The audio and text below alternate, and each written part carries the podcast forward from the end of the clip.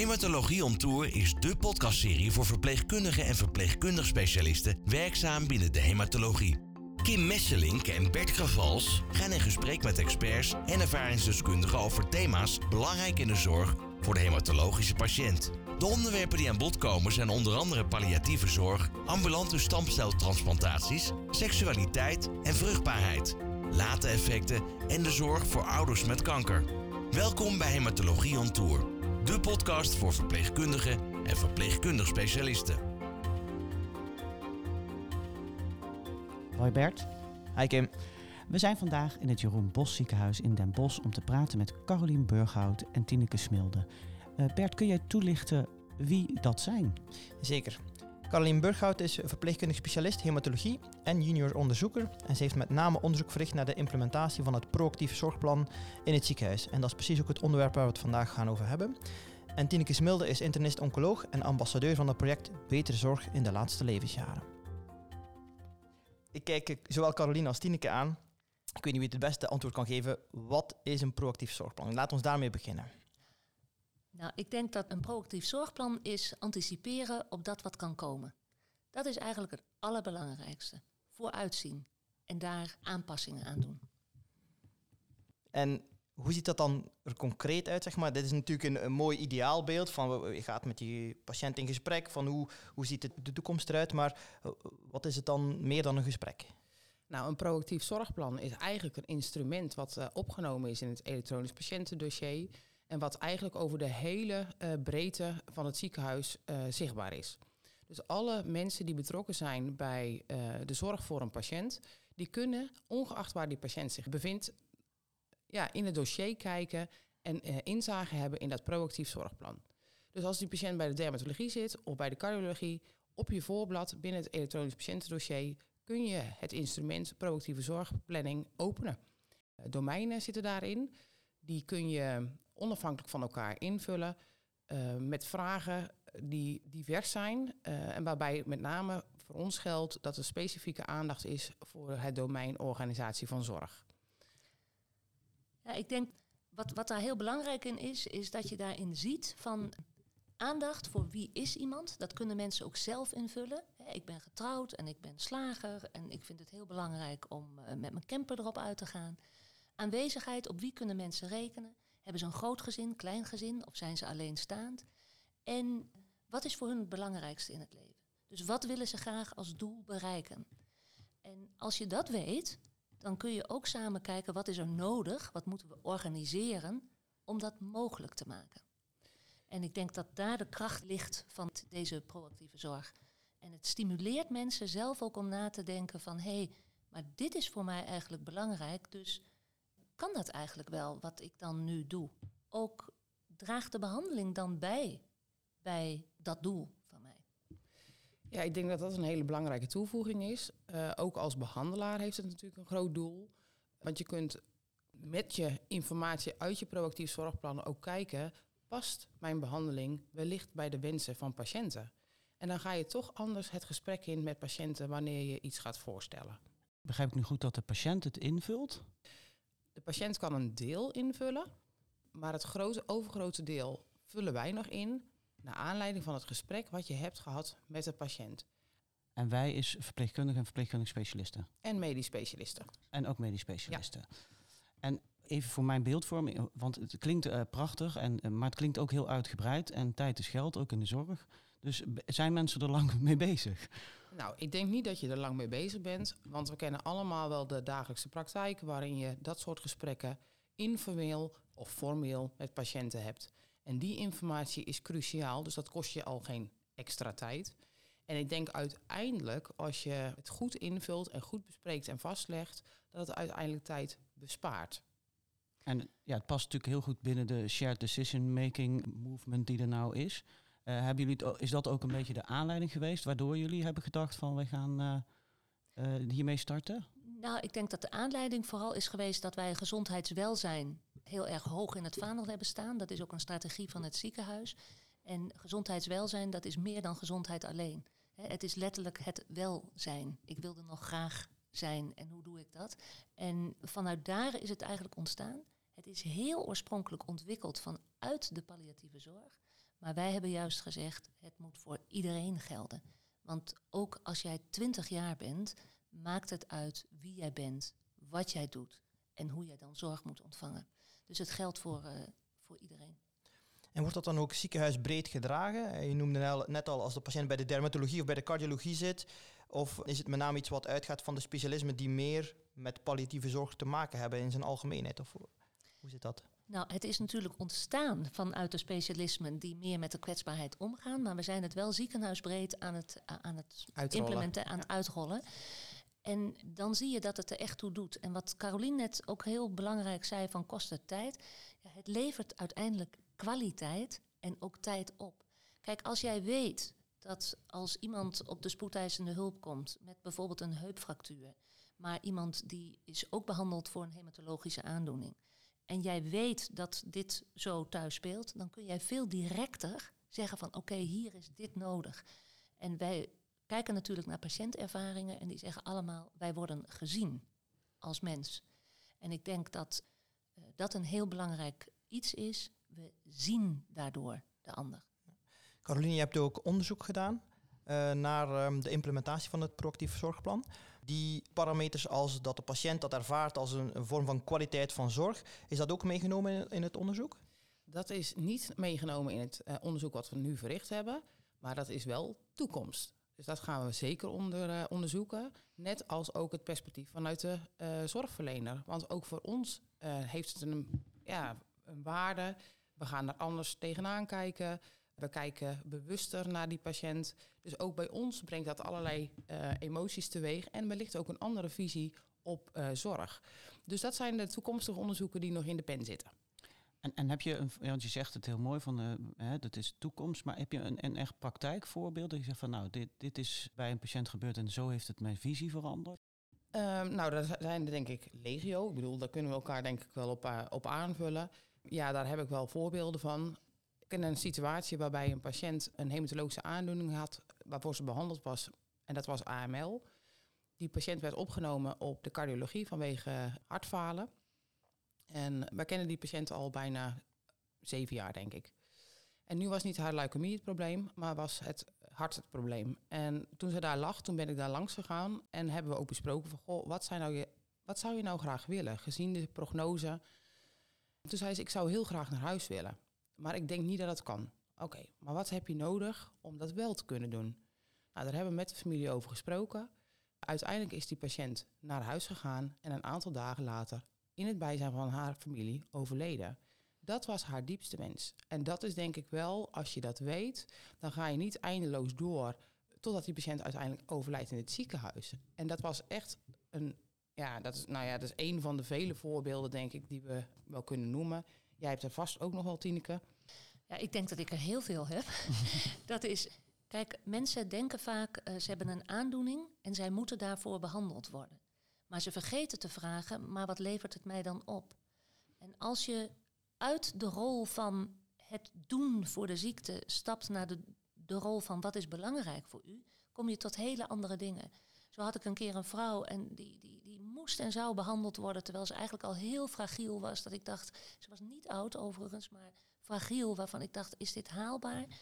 En ik vroeg aan haar, wat is het allerbelangrijkste? En toen zei ze nog één keer de verjaardag van mijn kind meemaken. En toen zei ik, en jij denkt dat de chemotherapie daartoe gaat bijdragen? Ja, zei ze. Ik zei, en ik denk dat dat niet zo is. En we hebben voor haar andere zorg geregeld. Ze heeft de chemotherapie niet gehad maar ruim de verjaardag van haar kind meegemaakt. Dus we, we, we doen vaak aan valse verwachtingen. We zetten in de media van er is een nieuwe behandeling en die levert dit en dit op. En dat is allemaal heel geweldig. Maar we zeggen er niet bij dat dat maar is voor 8% van de mensen. En we zeggen er niet bij aan welke criteria je moet voldoen. En welke complicaties je kunt krijgen. Exact. Ja. En, en is het, eh, want dat is zo'n prachtig voorbeeld, maar ik kan me ook voorstellen dat die mevrouw zegt, ja, maar ik, ik wil het toch wel graag hebben, dokter, want ik, uh, ik, wil toch die chemo. Want dat is ook wel, mijn, mijn ervaring met patiënten is dat patiënten toch wel heel erg gericht zijn op, ik wil die medicijnen hebben. Mijn ervaring is wel wat anders. mijn ervaring is wel dat als je uh, werkelijk kijkt van, want nogmaals, dan is de vraag belangrijk waarom. Wat, wat ja. hoop je dat dat brengt? En die vraag wordt heel slecht gesteld door dokters. Ja, Hè? De vraag stellen van, hè, dus mensen willen dat. En dan ook, oké, wat, wat hoop je daarmee te bereiken? Wat, wat is je onderliggende wens?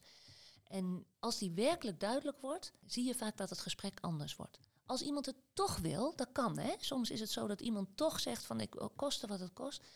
Dat mag van mij ook, maar wel met open ogen.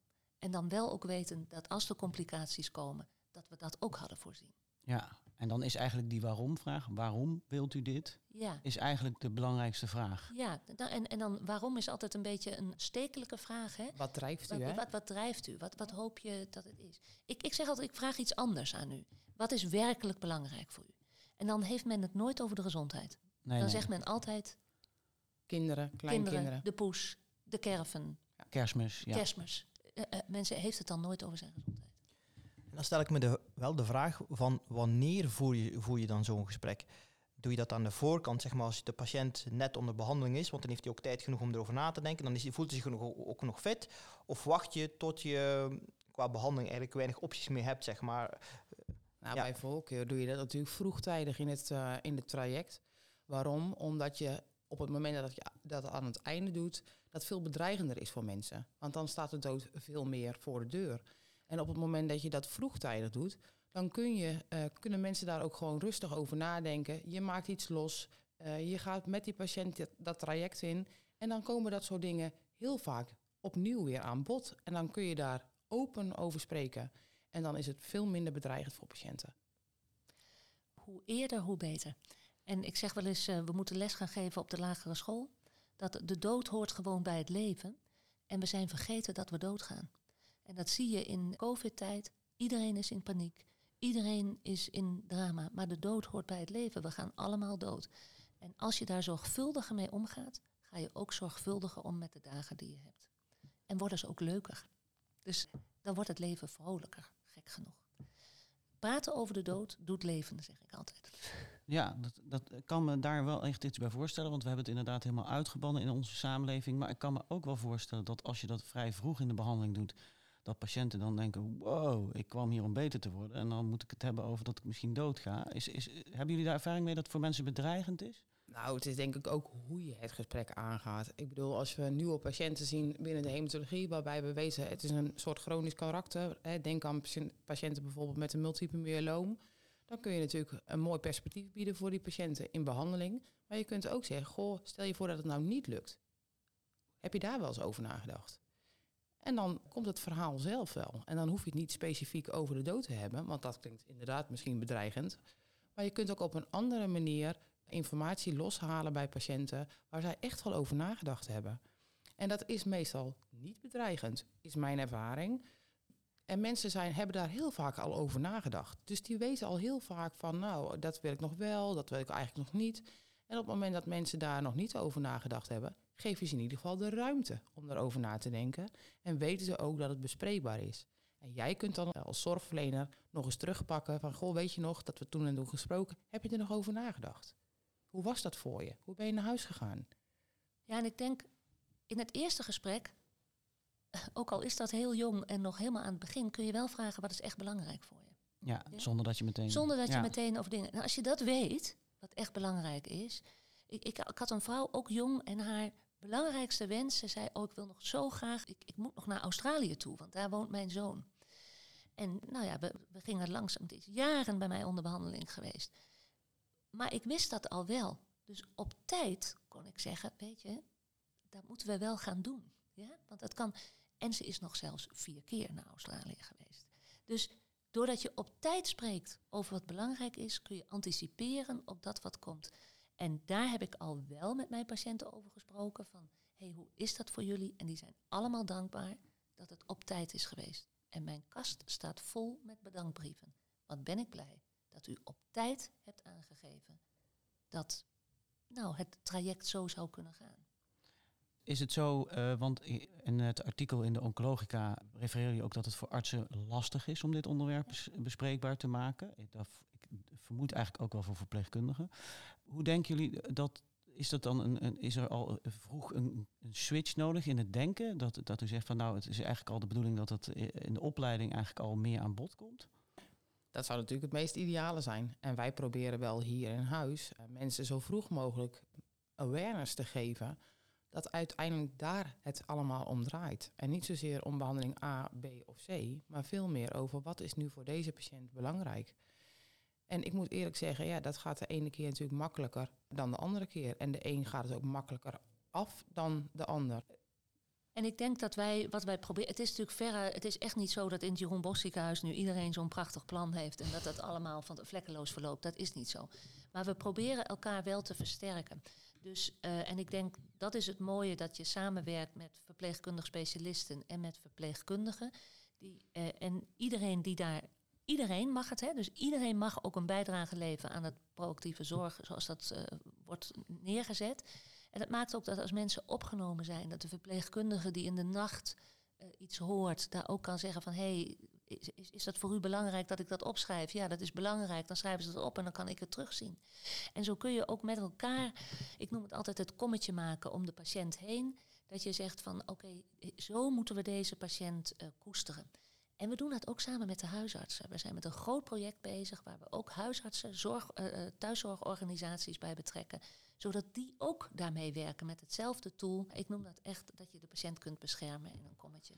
En uh, begrijp ik ook, uh, wie heeft er dan allemaal toegang? Heeft de huisarts nu ook toegang tot dat uh, Nog niet, nog niet digitaal. We sturen het wel mee in de brieven. Maar we zijn nu bezig met een pilot waarbij dat ontsloten wordt ook voor de huisartsen. En streven is natuurlijk dat we dat vice versa kunnen ontsluiten. Ja, dat ook de huisarts een bijdrage levert ja, aan... Dat het uitwisselbaar is. Hè? Ja. ja. En, en thuiszorg, want dan kijk ik met name jou even aan of als verpleegkundige. Uh, want ook voor verpleegkundigen in de thuiszorg lijkt me dit buitengewoon goed om te weten. Ja, daar geldt hetzelfde voor. Die krijgen die informatie bijvoorbeeld als zij in zorg betrokken worden, krijgen zij dezelfde informatie uit het proactief zorgplan uh, middels een brief naar hen uh, toe. Dus probeert zeg maar, ook de VTT-teams gaan nu mee participeren in de, in de pilot. En daarmee probeer je eigenlijk met de hele bosse regio het proactief zorgplan dusdanig te introduceren dat we het ook gewoon kunnen uitwisselen met elkaar en dus allemaal vanuit dat plan kunnen werken naar de patiënt. En, hoe, en jij zegt de bosse regio, maar wij uh, wisselen ook wel eens uh, patiënten uit, hè, vanuit het Radboud en naar Jeroen Bos en andersom. Hoe, hoe is het voor ons in het Radboud inzichtelijk? Voor jullie of is, andere ziekenhuizen? Ja, voor jullie is het nog uh, niet inzichtelijk, maar als er informatie is die wezenlijk van belang is, moet dat bijgevoegd worden in de brieven. Oké, okay, en dan uh, gaat het nog niet uh, digitaal? Nee. Nee, want onze systemen zijn ook niet op elkaar afgestemd. Dat uh, wij werken met Epic en jullie met Hix, dus dat is lastig. En is het wel in de toekomst de wens dat het ook digitaal... Zeker. Ja. En eigenlijk moeten we, moet het niet uitmaken waar die patiënt ligt. Of dat hij nou in Groningen of in Maastricht ligt. Hetgeen wat beschikbaar is over deze patiënt... zou eigenlijk gewoon uitwisselbaar moeten zijn. En het belangrijke is, je ziet vaak dat bij einde levenbeslissingen er alleen maar gesproken wordt over reanimatiebeleid, IC en dingen. Wilt u naar de IC? Wilt u gereanimeerd worden? Alsof dat een keuze is wat je bij bol.com kunt bestellen. En dat is niet zo. Niet alles is mogelijk. Maar doordat je praat over verwachtingen, weet de patiënt ook wat mogelijk is en wat niet. En maak je dus een veel meer gezamenlijke keuze die past. En wat ik heel jammer vind, is dat weer in de nieuwe ACP-formulieren die ontwikkeld zijn, gaat het weer helemaal niet over de sociale achtergrond. En wie iemand is, wat voor iemand belangrijk is, maakt uit in de keus die iemand maakt. En ligt heel even toe, want AZP, dat zegt mij. Dat is Advanced Care Planning. Ja. En de, de Advanced Care Planning, daar is natuurlijk nu landelijk weer een Advanced Care Planning formulier in het kader van de COVID die er is.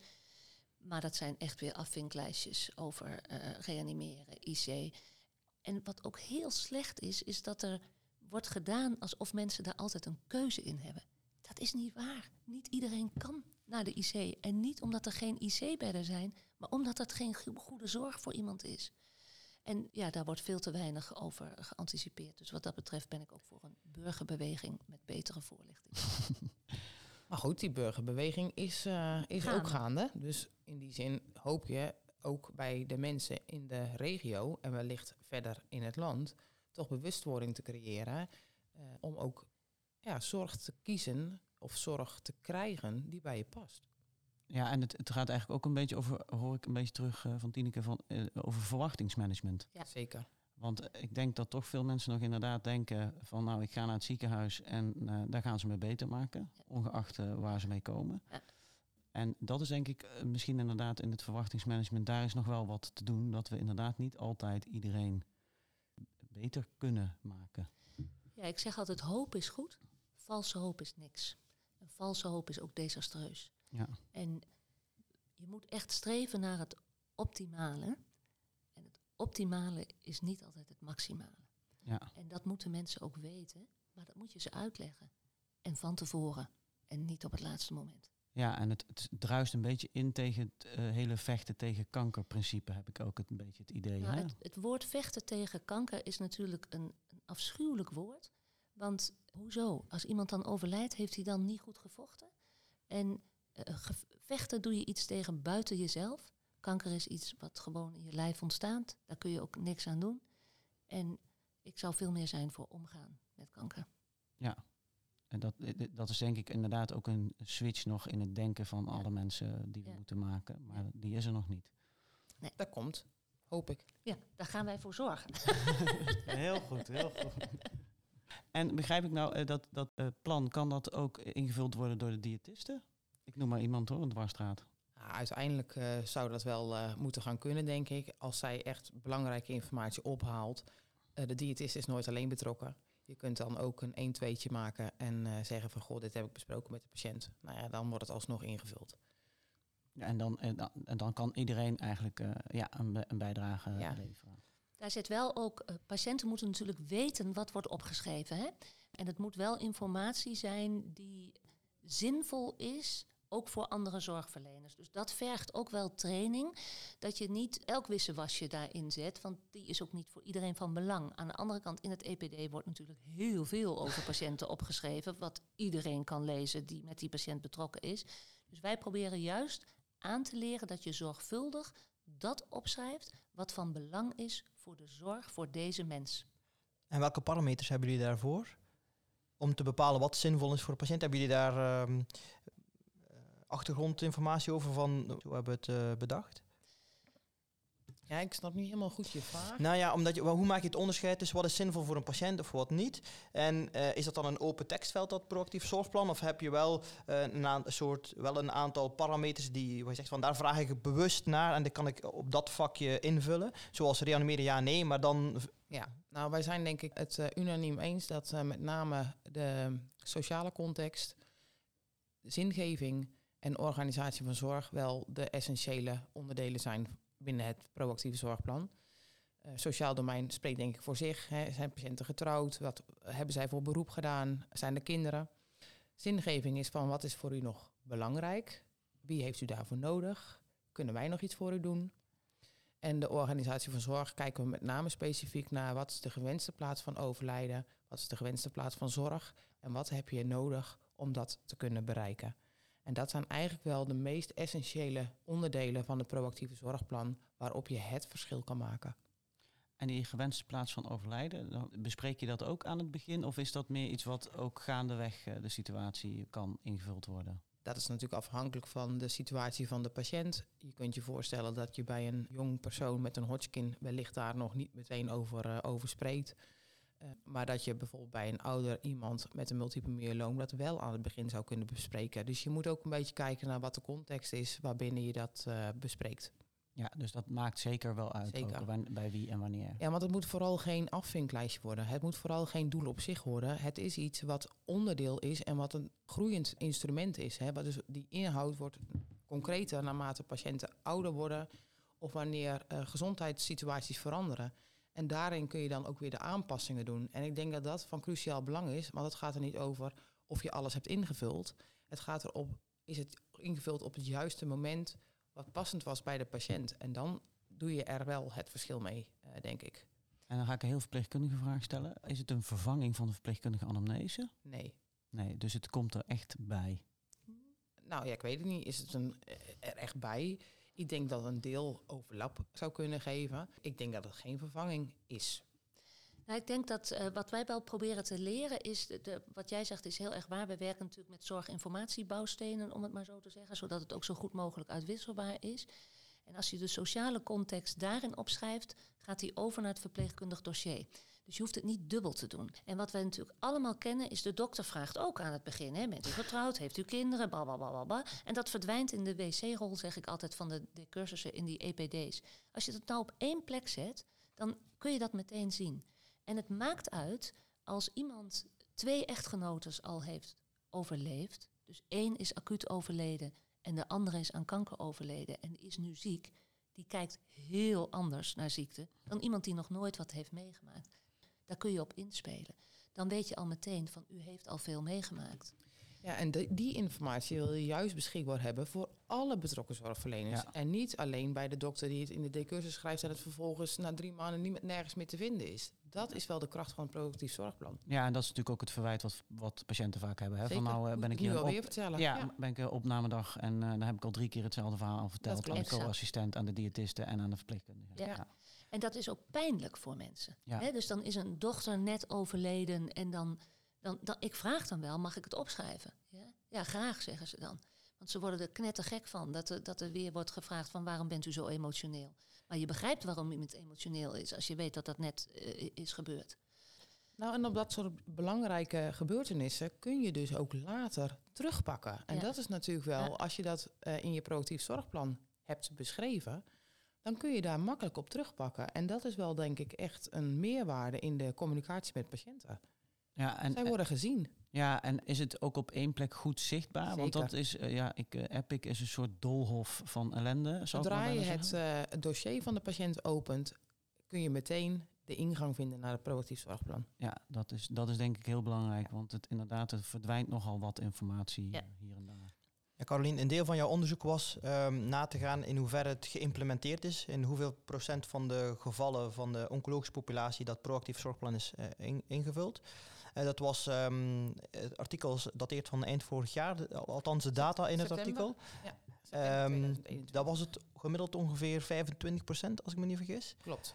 Heb je een idee hoe het er nu, een, een klein jaar later, mee staat? We zijn nog groeiende. We zitten nu tegen ongeveer de 30% aan eh, bij de 80-plussers. Dus we zijn echt, ja, we gaan daarin omhoog.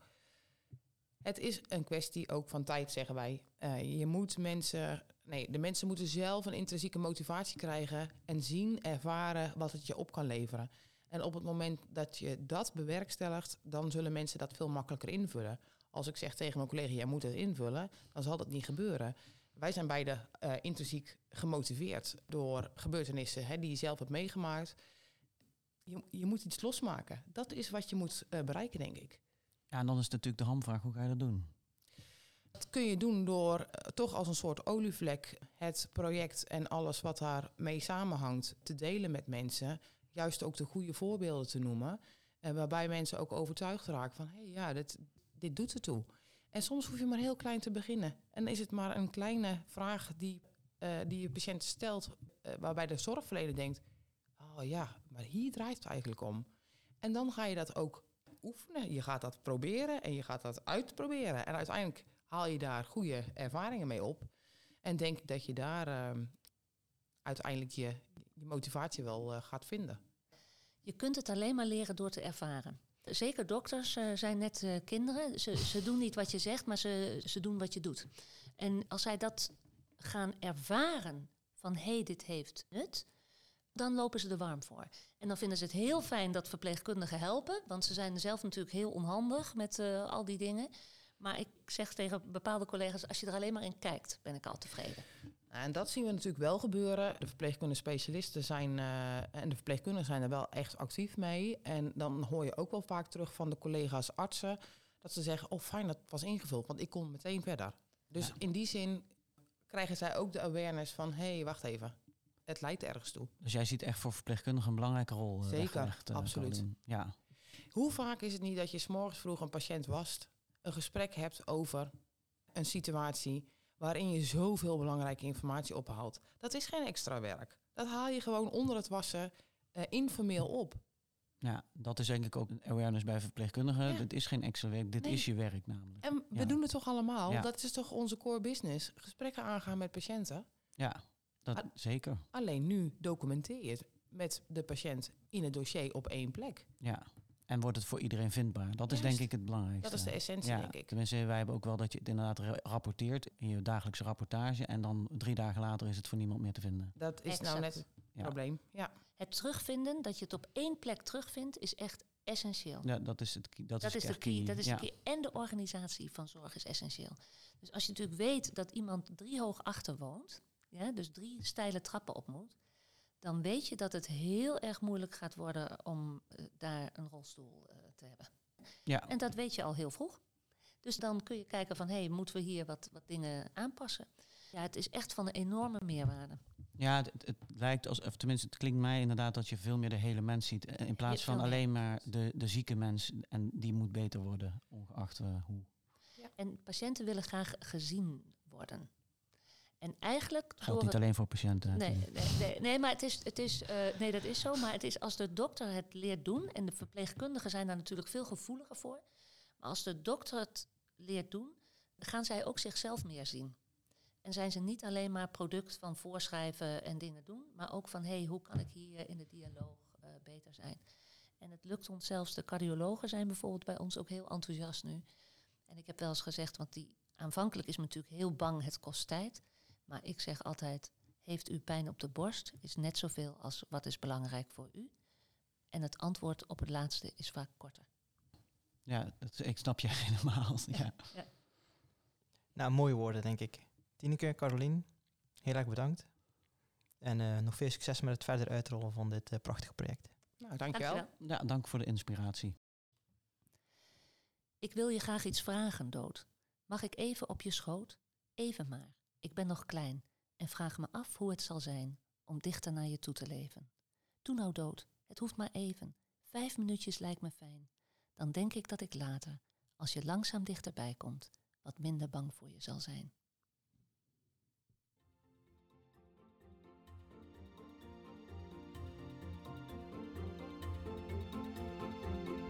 Tot zover Hematologie on Tour, de podcast voor verpleegkundigen en verpleegkundig specialisten. you